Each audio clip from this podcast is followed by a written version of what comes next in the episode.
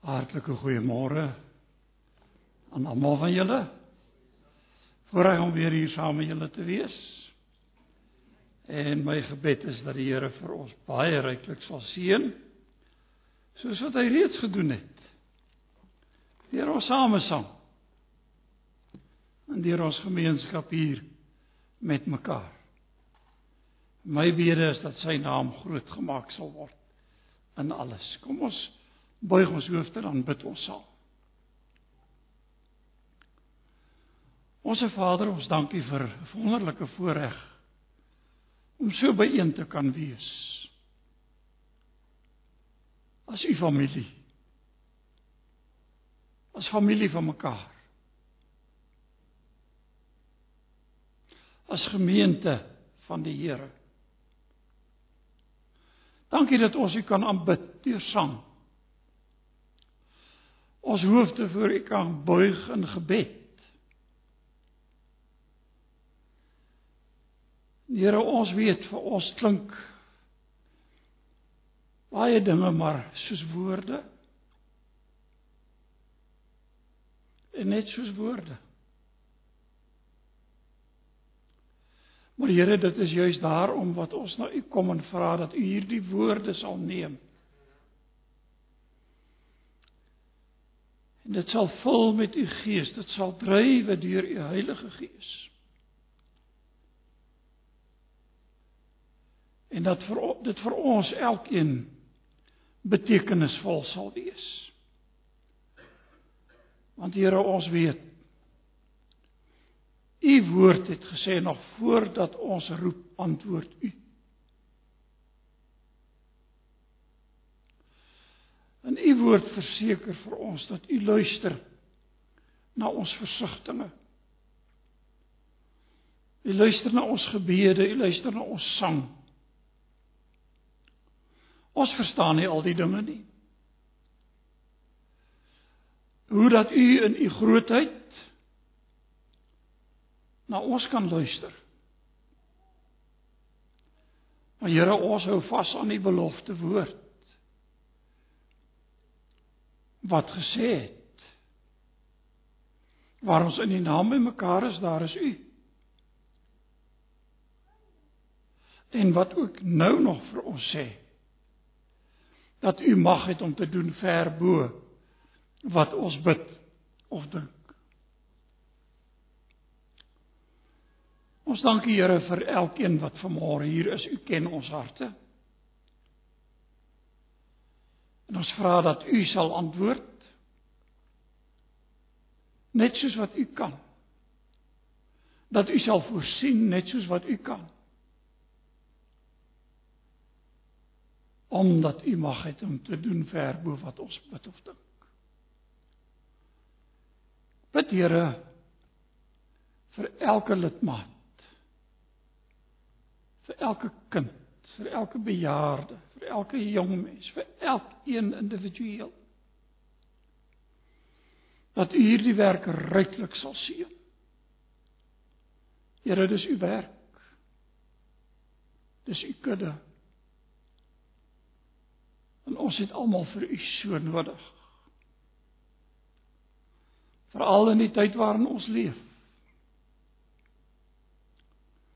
Waaran baie dinge in die toekoms vir ons onseker lyk. Dan wonder ons hoe dit gelyk vir die vroeë kerk. In stryd, in vervolging, in baie swaar kry. En ons dank die Here vir elke voorreg wat ons nog kan geniet dat ons nog die vrymoedigheid het om vanmôre in die openbaar te kan kom en u naam aan te roep. U te kan bely. Nou bid ons dat u as ons by die woord gaan stil staan dat aan ons ryklik sal seën en dat u sal gee dat by die prediking daarvan dit sal wees getrou aan die bedoeling van u woord. Open u ons harte Verlig ons verstand. Want ons vra dit alles in Jesus naam. Amen. Want ek het in die afgelope tyd gepraat oor die nagmaal.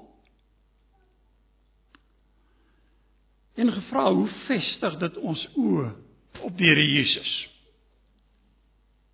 Want hy moet altyd in die sentrum van alles wees. En toe was daar so 'n tussenganger met die toewyding hier van die gemeente so dankseggingsdiens. En daar het ek oor die kerk gepraat. Wat beteken dit om kerk van die Here Jesus te wees?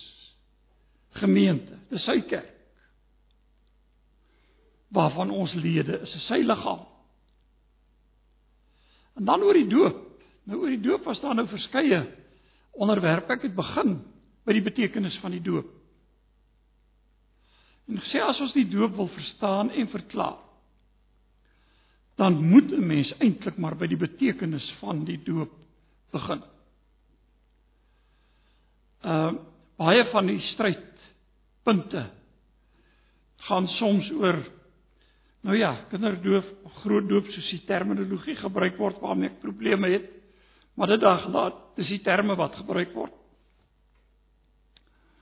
En baie min word gepraat oor die ware betekenis van die doop. En hoe dat die betekenis van die doop alles heenwys na Jesus. Dit gaan oor afwassing van sonde, vergifnis van sonde, ontvangs van die Heilige Gees, doop, begrawe en opgewek saam met Christus. Alles sentreer rondom die evangelie, om die goeie nuus. Jesus het na hierdie wêreld gekom en nou daar mense gesê vir my gevra of ek iets gaan sê oor die doop en die verbond. Nou ek het met julle gepraat oor die doop en besnydenis wat baie nou in een gestrengel is ook met die doop en verbond. Nou vandag is die verbond aan die beurt. Maar ek het nou 'n paar skrifgedeeltes wat ek vir julle wil voorlees en daar's nou van die ouer garde wat baie gelukkig sal wees ek het die ou vertaling hier. En ek wil 'n paar gedeeltes lees. Ek wil vir julle vra om net en ek gaan kort gedeeltetjies lees vir die eenvoudige rede dat die onderwerp waaroor ek gaan praat baie wyd is. Ek wil iets lees uit Genesis 17.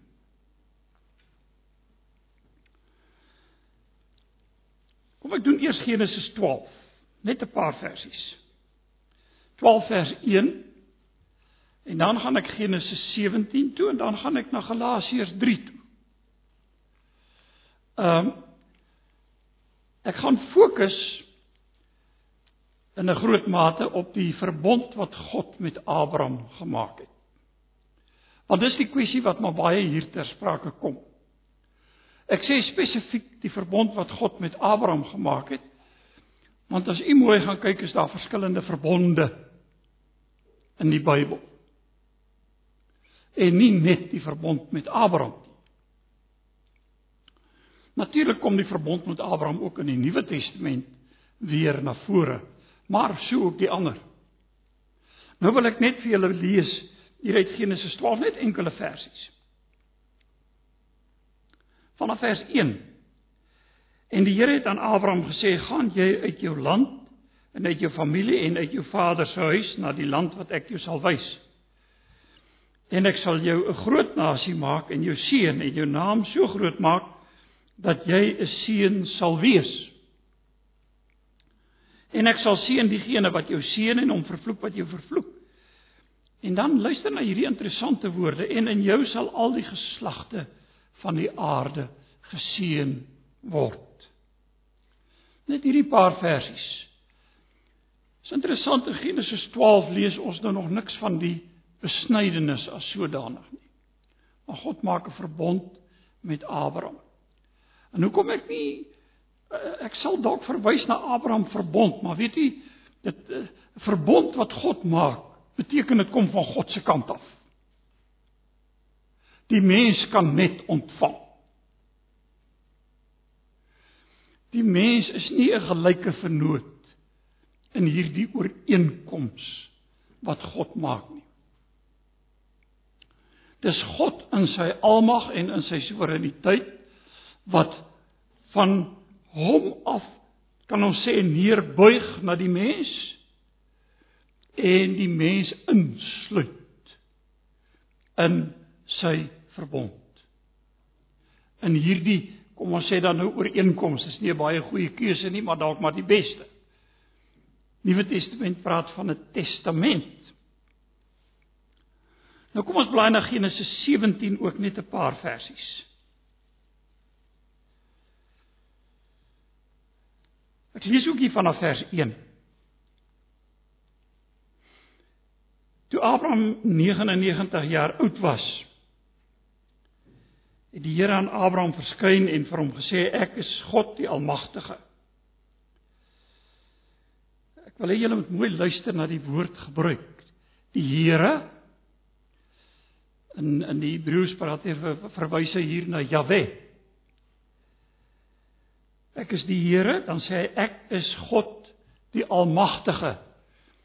Ag ek hoor nou partykeer van die liedjies wat hulle sing. Ek ek ken nou nie eers al die liedjies meer nie, maar dan kom die woorde El Shaddai daarin voor. Nou dis die naam wat hier vir God die Almagtige gebruik word. Ek is God die Almagtige, wandel voor my aangesig, dan sal jy opreg wees en ek wil my verbond sluit tussen my en jou en jou buitengewoon vermeerder. So hoor Genesis 12 ook nie waar nie. Toe val Abraham op sy aangesig en God het met hom gespreek en gesê wat my aangaan kyk my verbond is met jou en jy sal die vader wees van 'n van die vader van 'n menigte nasies word. Daarom sal hulle jou nie meer Abraham noem nie, maar jou naam sal wees Abraham want ek maak jou 'n vader van 'n menigte nasies. En ek sal jou buitengewoon vrugbaar maak en jou sal jou tot baie nasies maak of tot nasies maak en konings sal uit jou voortkom en ek sal my verbond oprig tussen my en jou, jou nageslag na jou en hulle nageslagte as 'n ewige verbond. En luister nou na hierdie baie treffende woorde om vir jou 'n God te wees en vir jou nageslag na jou. Onthou Genesis 12 het ons ook gelees. Al die nasies. En dan kom die besnydenis eentjie verder aan. En dit word ook 'n verbond genoem. Tereg in Handelinge lees ons nogal dat daar gepraat word van die besnydenisverbond. Daar was 'n hele debat daaroor, maar dit nou daar gelaat. In Handelinge lees ons dat hulle gepraat het van die verbond van die besnydenis. Wat nou maar 'n terugverwysing is na die verbond ook met Abraham. So ek het nou oor die besnydenis gepraat, maar uiteraard sal die saak so hier en daar weer ter sprake kom. En natuurlik toe word die besnydenis ingestel in Genesis 17. So Genesis 12 net die verbond. Genesis 17 die verbond. Ek sal vir julle 'n God wees, julle sal vir my 'n volk wees. En dan kom die besnydenis ook in in Genesis 17. Nou daar's iets baie interessant in Genesis 17. Ek het dit nou nie vir julle gelees nie. Beheer dit net hier iewers in die agterkop. In Genesis 17 is daar gesê baie uitdruklik as jy jou kind nie besny nie word hy afgesny van die verbond. So wat beteken dit? Hier's 'n paar dingetjies ek loop myself vooruit, maar hier's 'n paar dingetjies wat ek net hê julle moet hoor. Die Israeliet, Abraham se nageslag word in die verbond in gebore. Is ek reg? Dit beteken nie dat hy nie moes glo nie. Maar hy is die fisiese nageslag van Abraham. En as die seentjie dan nou nie besny word nie. Dan sê Genesis 17 word hy afgesny van die verbond. Ek het die vorige keer toe ek so 'n bietjie oor die besnydenis gepraat het, daarna verwys.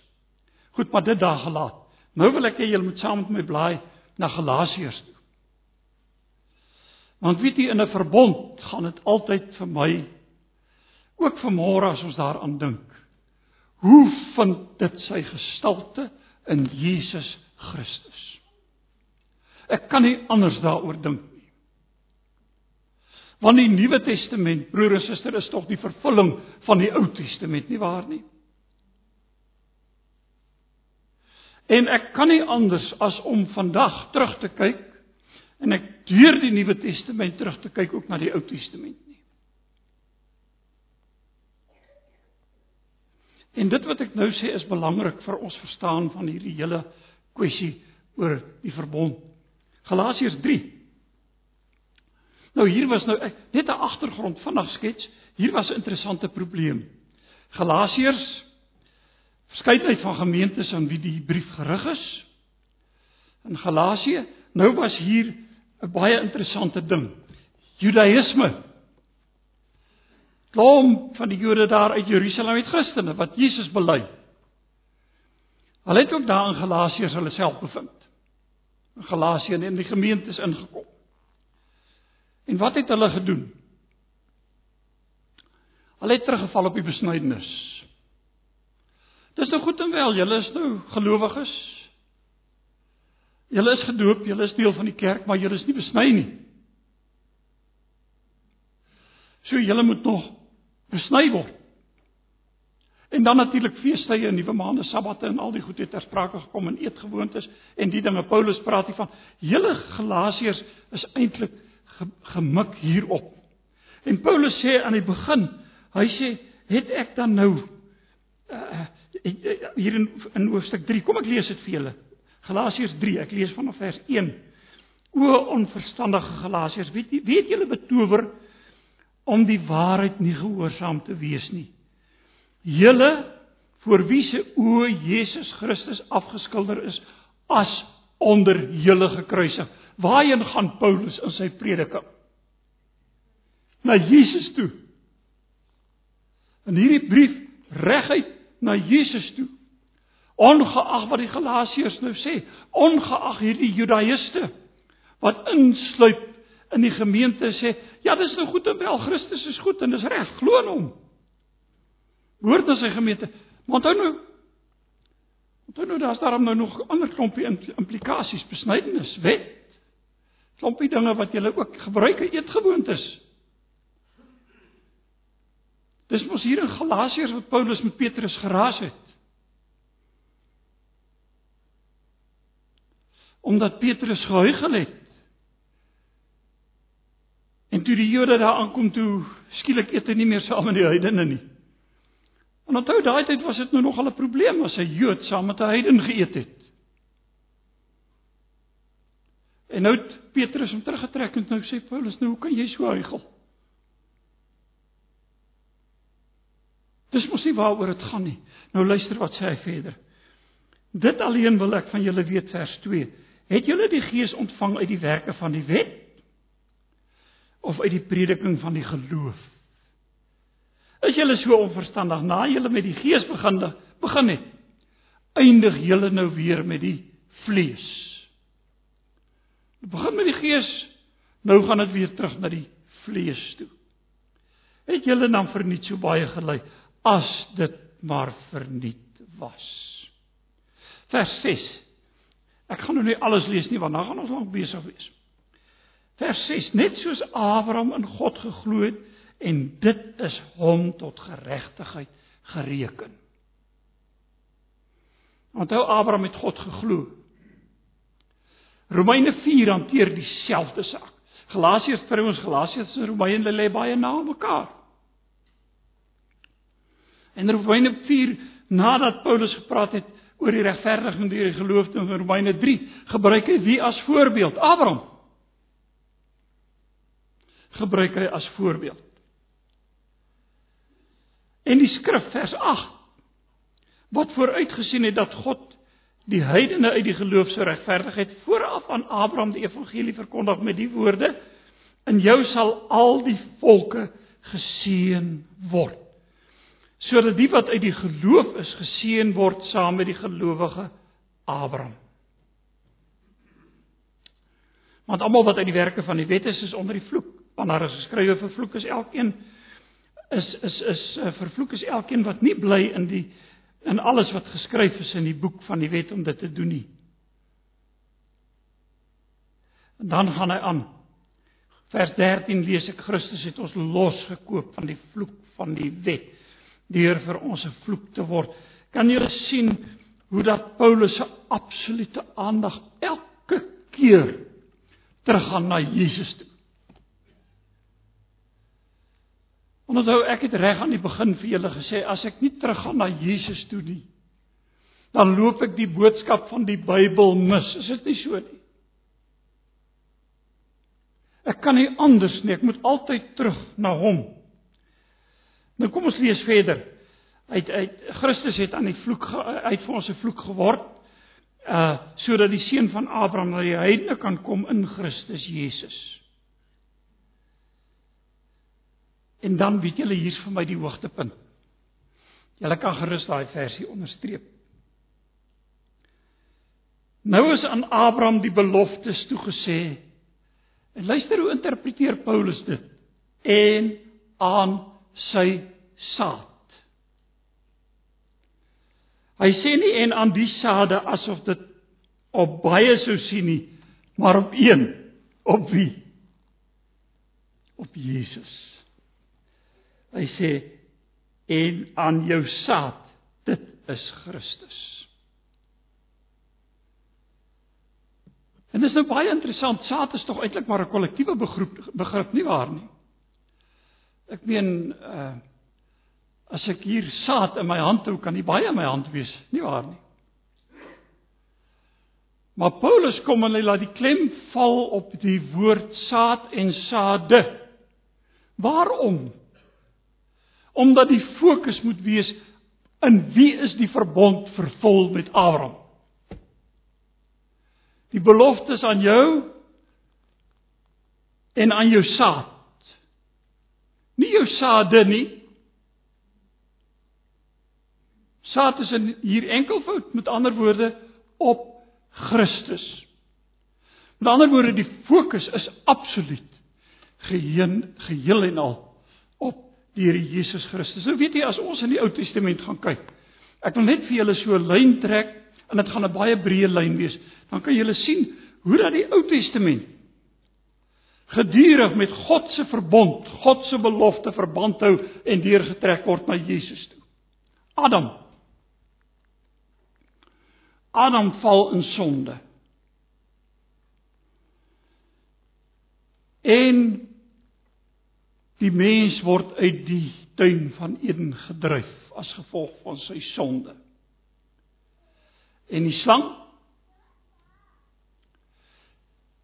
die word vervloek. En wat word vir die vrou gesê? Hy sal jou, dis nou die nageslag. Die nageslag, die saad, hy sal jou in die hakskeen byt en jy sal hom die kop vermorsel. Toe julle daai gedeelte.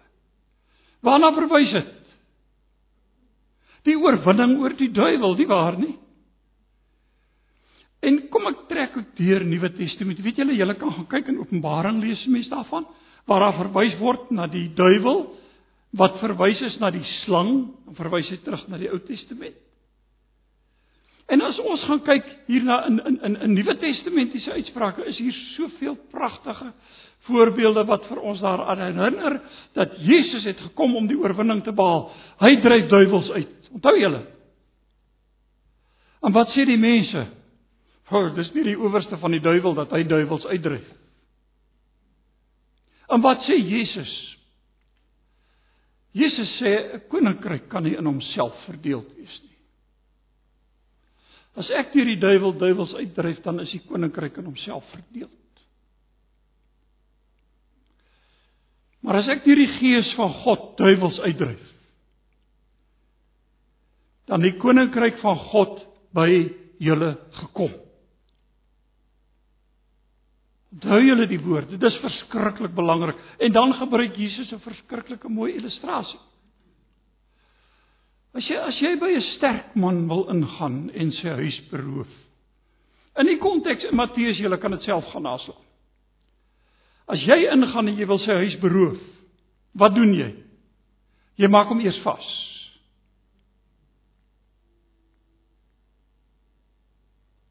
En dan kan jy ingaan en sy huis beroof. As ek dan deur die gees van God duiwels uitdryf, dan die koninkryk van God by julle gekom.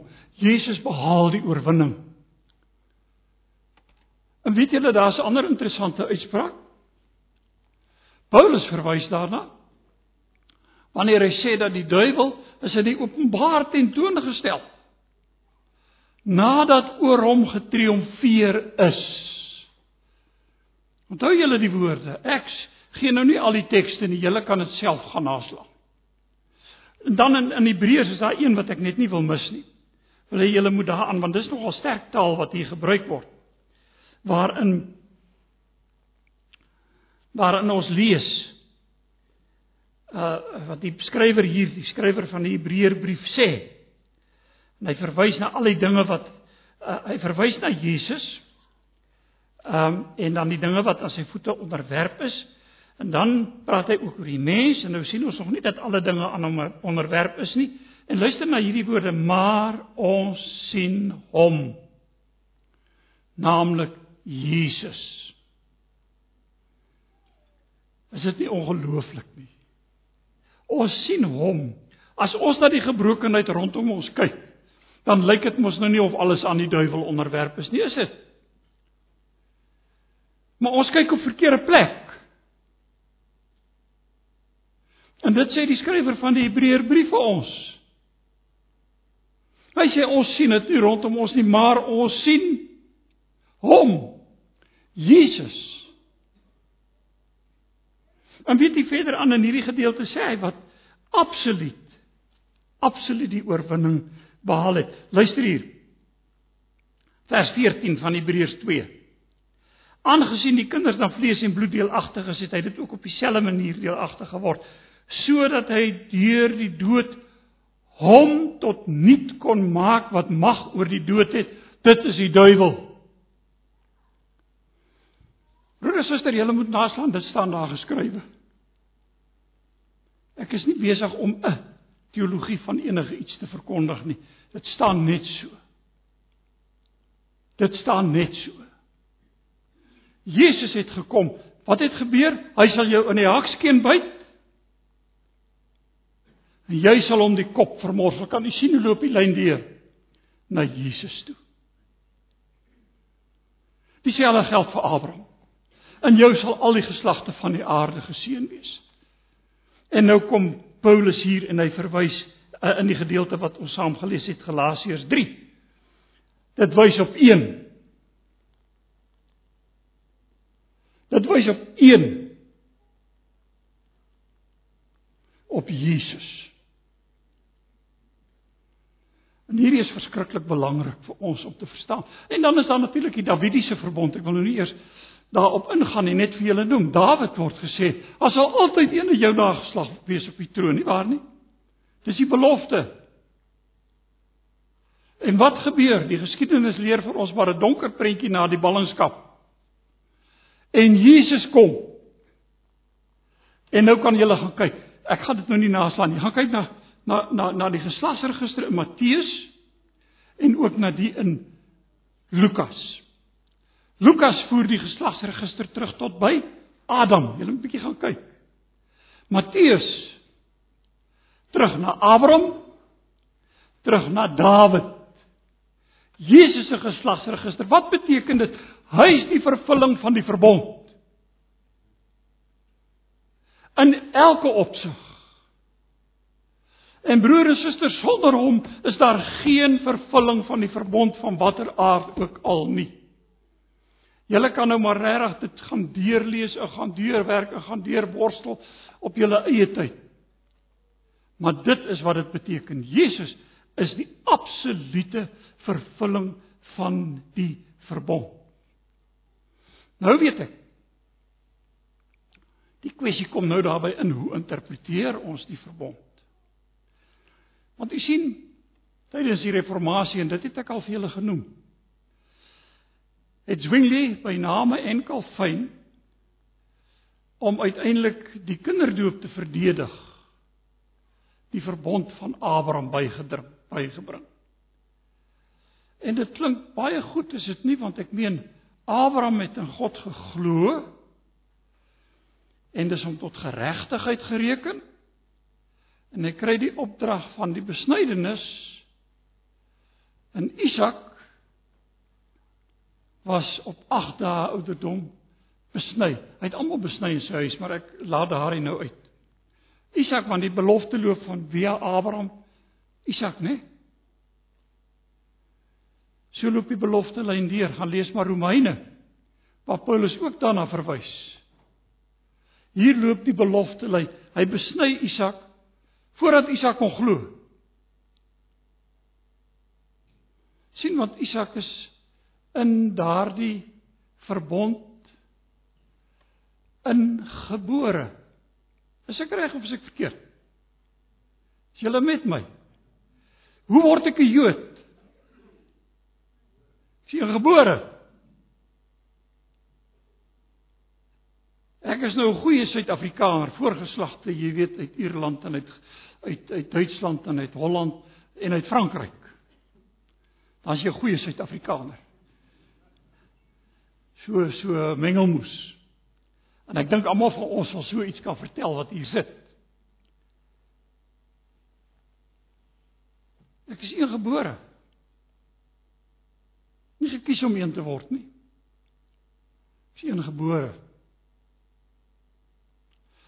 Nou wil ek julle vra vra, hoe word ek deel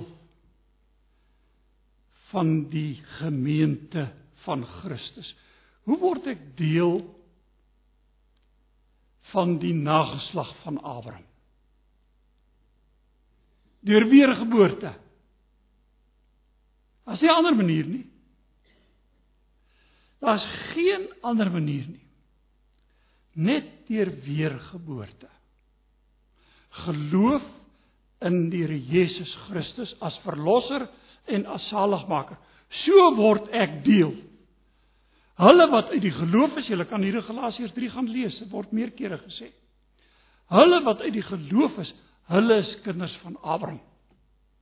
Paulus sê dit in Romeine, sê dit hier in Galasiërs, hulle wat uit die geloof is. Broers en susters, nou wil ek vir julle iets vra. Sal jy dit waag Nou as ek nou so kyk, is hier ouers met kinders en is hier grootouers met kleinkinders. Ek wil nou nie waag om verder te gaan nie want net toe ek in die moeilikheid. Sal jy dit waag om nie vir hulle bekering te bid nie? Nie vir hulle weergeboorte te bid nie. Natuurlik nie, niemand sal dit waag nie. Iemand het eendag iets interessant gesê en dit was vir my so treffend. Sommige so 'n radiopraatjie. Daar's daar's iets wat jy kan saamneem as jy hier vandaan weggaan. Jy gaan hemel toe. Kinders en kleinkinders.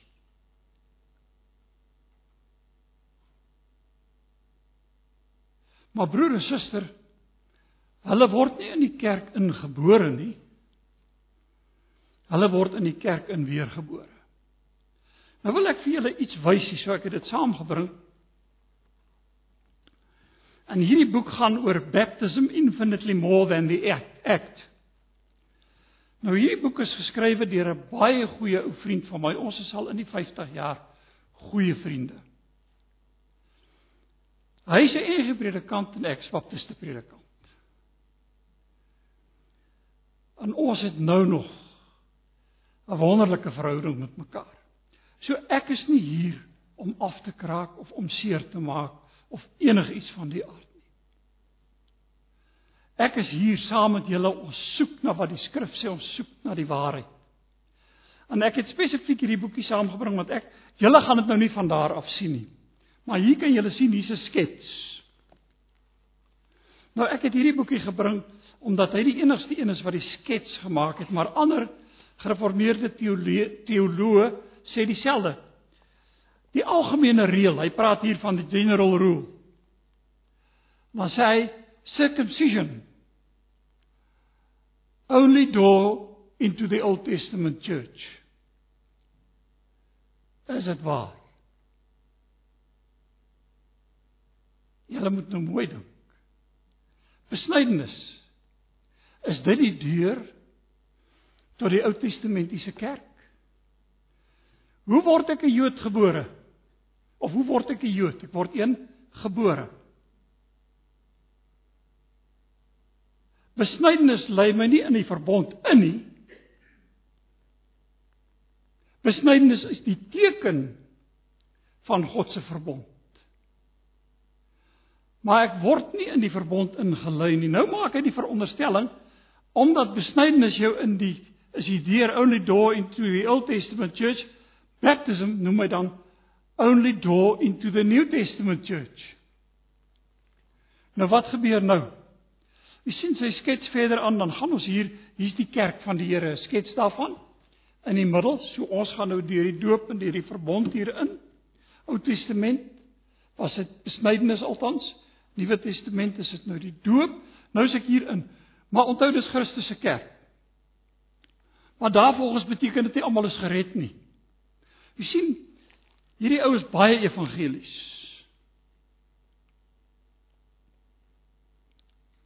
En ons het saam baie geleenthede vroeër jare, KJV. Al was ek 'n baptis, het ons saam gewerk en ons beywer vir die verkondiging van die evangelie. So hy baie sterk daal. Maar nou u sien sy onderskeid kom Jesus is eers aan die einde van die kerk. Wat gebeur? Hier in die kerk het ek nou nodig om weergebore te word, om tot bekering te kom. Want jy sien in die Ou Testament was dit 'n geval, geval van die Jode moes glo. So hy's besny en nou moet hy glo en dan is hy reg. En hier uit die kerk uit wys hy dit duidelik. Hier's lede van die kerk wat warm plek toe gaan. As gevolg van hulle ongeloof. En dan sien natuurlik ouens wat van hierdie kant van buite af inkom. Natuurlik die heidene.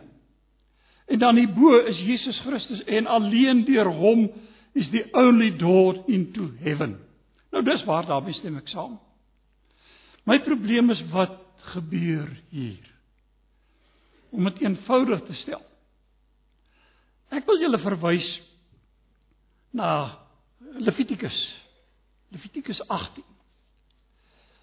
Want weet julle, 'n mens dink altyd die wet het nie so 'n rol gespeel nie in hierdie hele teologie. Die uh uh die wet was maar ons stigmeester soos Paulus daarna verwys in Galasiërs. Maar luister wat sê eh, Levitikus 18 vers 5. Nou sê deur Moses die Here vir sy volk: "Hou dan my insettinge en my verordeninge wat die mens moet doen dat hy daardeur kan lewe." Is julle met my met daai gedeelte? Die wet het 'n groter rol gespeel as wat ons partykeer dink. Ek is die Here. So die wet. En wat doen die Nuwe Testament? Nou Jesus kom en hy vervul alles. Hy vervul alles. Hy vervul die Abraham verbond, hy vervul die verbond met Adam, hy vervul die verbond met Dawid. Ons kan aangaan. Dit is so treffend. Jesus staan in die sentrum. Hy's die enigste weg. En wat beteken dit? Beteken nie ek word outomaties Want daar was ander fasette van die Abraham verbond, daar's aan hulle land beloof. Bedoel 'n fisiese land. Daar bo in Palestina. Ek het nou amper so gewys, maar ek weet nie of dit noord is nie. Maar daar daar's 'n land, fisiese land. God het aan hulle belofte gemaak vir daardie land. Hulle het die land ingetrek. O ja, ons gesê maar daar word vir ons ook 'n land beloof, 'n nuwe Jerusalem. Maar hoe kom ek daarin anders as deur weergeboorte? Weet jy nou ons 'n pragtige voorbeeld. Ek wil nou net vir julle vinnig daarna verwys. En ek gaan na Johannes toe. Evangelie volgens Johannes. Daar wil ek hoofstuk 1 vir julle iets wys en dan hoofstuk 3. Hoofstuk 1 vers 12. Maar almal, ag julle ken dit uit julle kop uit, wat hom aangeneem het. Aan hulle het hy mag gegee om kinders van God te word. Aan hulle wat in sy naam glo. Hoe word ek deel van die nageslag van Abraham? Deur die geloof. Hulle wat uit die geloof is, is kinders van Abraham. Onthou ons praat nou van ons huidige bedeling. Deur die geloof wat nie uit die bloed of uit die wil van die vlees of uit die wil van 'n man nie, maar uit God gebore is. En dan verwys hy die woord het vlees geword en onder ons kom woon. En wat gebeur net 'n entjie verder aan? Dan kom Nikodemus te voorskyn uit die Fariseërs. 'n Owerste van die Jode. 'n uh, onderwyser, 'n leraar daar in Israel. Hy moes geweet het wat gaan vir wat. En hy kom na Jesus toe en hy spreek Jesus aan as rabbi wat nogal 'n heel respekvolle eerbetoning was om Jesus so te noem. So Nikodemus was oog skoon was ooglopend beïndruk met die werke wat Jesus gedoen het. En wat sê Jesus vir hom toe Nikodemus sê u moet van God wees want niemand kan hierdie tekens en wonders doen wat u doen as God nie met hom is nie. En Jesus kyk vir Nikodemus en hy sê vir Nikodemus, "Wie is hy?" Hy's 'n leraar van Israel, nie waar nie? Hy's Fariseërs. En watter volk behoort hy? Joodse volk. En wat sê Jesus vir Nikodemus? Jy moet weergebore word anders sal jy die koninkryk van God nie sien nie. En Nikodemus reageer waarskynlik bietjie dom. Maar dalk nie heeltemal so dom sy agtergrond in ag genome nie. Want Nikodemus kyk en hy sê maar hoe kan 'n man nou as hy oud is sê die ou vertaling weer in die skoot van sy moeder ingaan. Letterlik in die Griek staan daar in die baarmoeder ingaan. Hoe kan hy teruggaan? Hy's nou klaar gebore, hy's 'n ou man. Wie's hy? Hy's Nikodemus. Hy's mos deel van die volk van Israel. Hy's mos die nageslag van Abraham. Nikodemus. Nie so dom as wat hy lyk nie. Want u sien, daai boek van Paul and Rabbinic Judaism wys spesifiek daarop. Hoe dat onthou julle die Jode, veral die Fariseërs, het proselite gemaak. Beteken hulle het toe nogal ander mense van ander volkere tot die Joodse geloof gebring, hulle laat bekeer. Ons lees van hulle Jode en Jode genote. Daai Jode genote. Proselite En ek het nou nogal daar was nogal 'n hele seremonie aan verbonde met die proselietmakery rakende 'n doop. Kan julle dit glo? En natuurlik besnydenis wat daarmee saamgegaan het. Hierdie ouens het nie gesê doop en besnydenis dieselfde ding nie.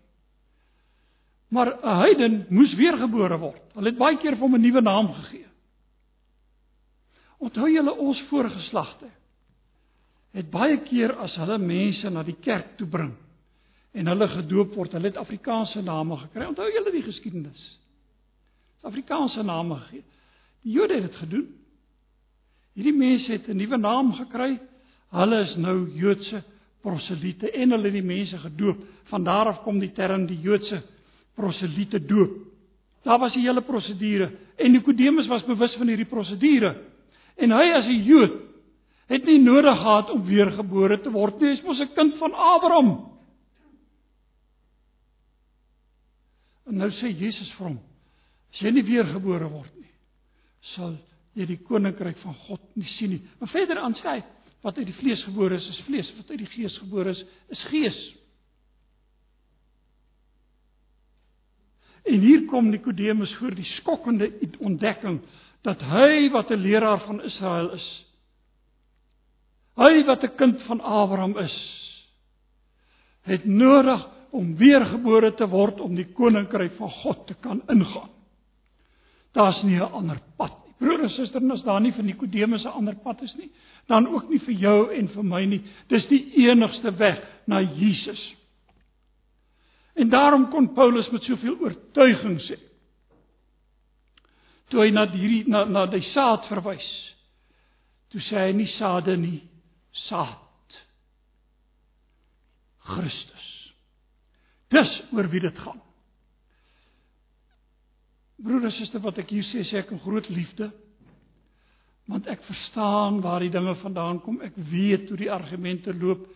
En as daar een nou is wat verskriklik baie daaroor opgelees het, dan is dit ek ek het ontsaglik veel daaroor gelees en daaroor gedink en ook daarmee geworstel.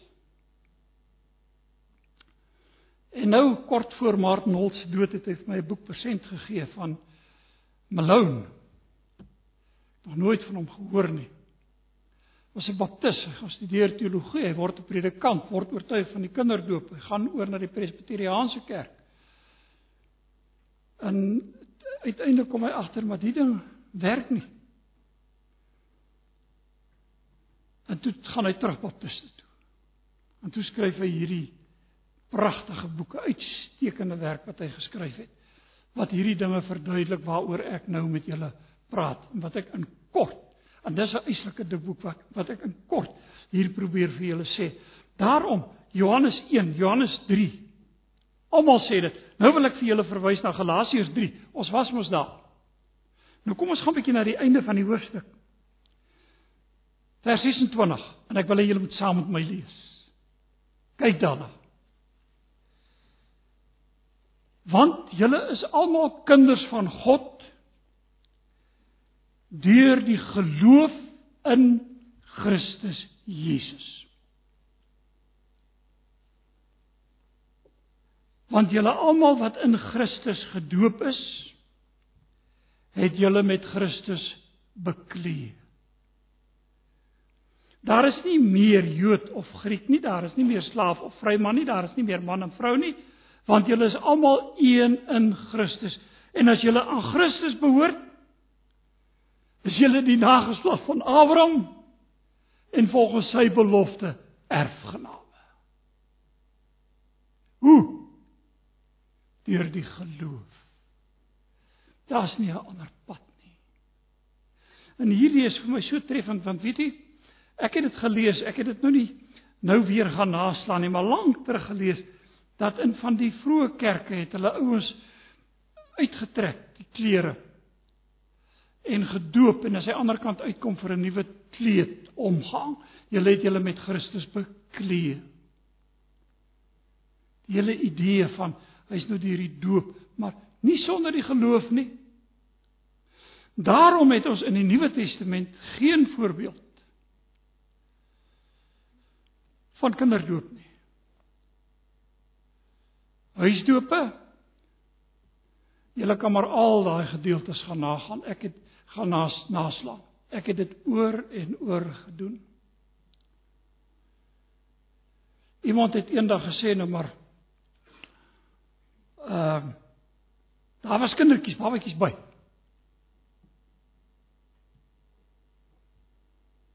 En ek sê nee, daar was nie by nie. Toe sê hy vir my op watter gronde doen jy dit? Toe sê ek op selfe grond as jy sê daar was babatjies by.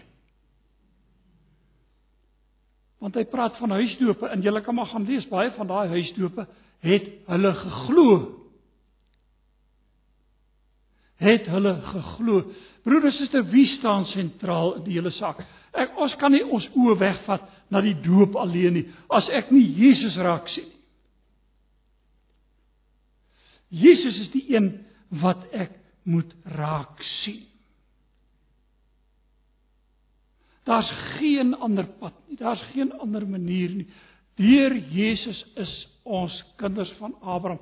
Deur geloof in Jesus Christus. Ek lees dit weer vir julle daar in Galasiërs 3. Uh want julle is almal kinders van God deur die geloof in Jesus Christus. En as julle aan Christus behoort, dan is julle die nageslag van Abraham en volgens die belofte erfgename. Onthou julle hele tydjie gelede ek vir julle gesê met verwysing na Johannes die Doper. Toe hulle sê ja, ons het Abraham as vader.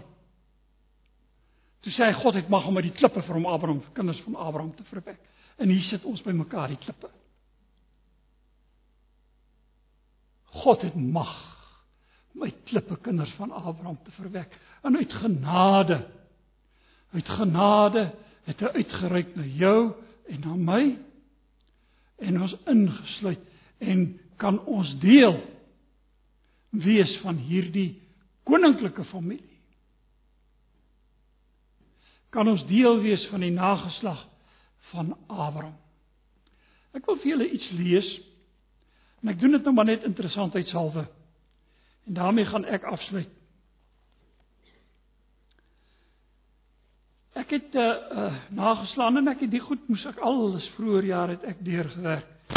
En ek verwys hierna nou een, een ou na wie ek gaan verwys is is Karl Barth. Nou ek weet as ek nou sê Karl Barth is hier party ouens wat net gevaarlig te sien. Nou wil ek julle sê toe ek 'n student was, toe word ek gewaarsku teen Barth se liberalisme. En toe ek nou met nagraadse werk besig is, toe hoor ek hoe dat een proffie spot met Karl Barth se konservatisme. Wys jou net hoe die dinge verander in 'n paar jaar se tyd. Maar een van hulle is Karl Barth waarna ek wil verwys. Hy was gereformeerd. Switsers gereformeerd. En hy het boeke geskryf. Ek kan jy kan omtrent nie in 'n leeftyd eers sy boeke lees nie, so baie dit. Ek weet nie waar hy tyd gekry het om te skryf nie.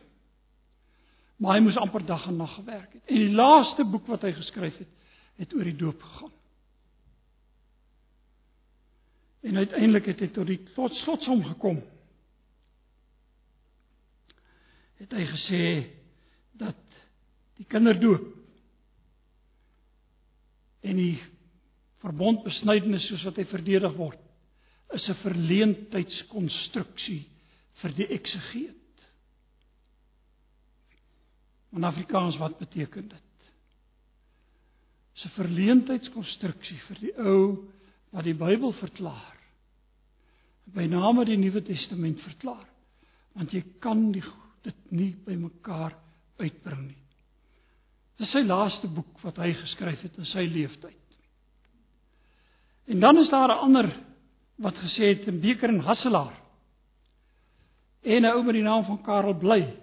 Karel Bly het gesê is verstommend hoe dat Calvin wat die sakramente betref 'n hoofstuk hoofstuk skryf oor die doop. En ek het dit gelees. So ek, ek weet self so oor die doop van gelowiges dat ek en jy kan nie glo wat hy geskryf het nie. En dan het hy 'n volgende hoofstuk net daarna. En dan praat hy oor die goeie reg van die kinderdoop. En dan op hele aan heeltemal ander gronde wat hy hierdie beredeneer het, beredeneer hy hierdie doop. Sodat Karel bly gesê het eintlik het het het 'n Calvin hier twee teologieë wat baie uiteenlopend is wat hy saamgooi.